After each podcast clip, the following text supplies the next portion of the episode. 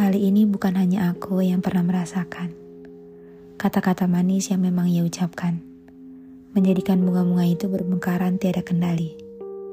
Menjadikan hati merasuk dalam rasa cinta yang teramat dalam. Kalau kamu sedang patah hati, karena kata-kata manis, mungkin di sini kamu akan mendengar untayan kata yang sama seperti apa yang kamu rasakan. Ketika kamu mulai bahagia dengan rayuannya, ingat saja bahwa kamu harus tetap awas diri. Menjadi putri yang selalu menenteramkan hati, kamu harus selalu berhati-hati dengan semua tutur darinya. Entah ia sungguh-sungguh seperti itu hanya untukmu, atau kamu hanyalah bagian dari salah satunya. Kuatkanlah hatimu agar kau tak sama seperti yang telah layu. Hatimu berhak untuk bahagia. Angkat wajahmu, Tuan Putri.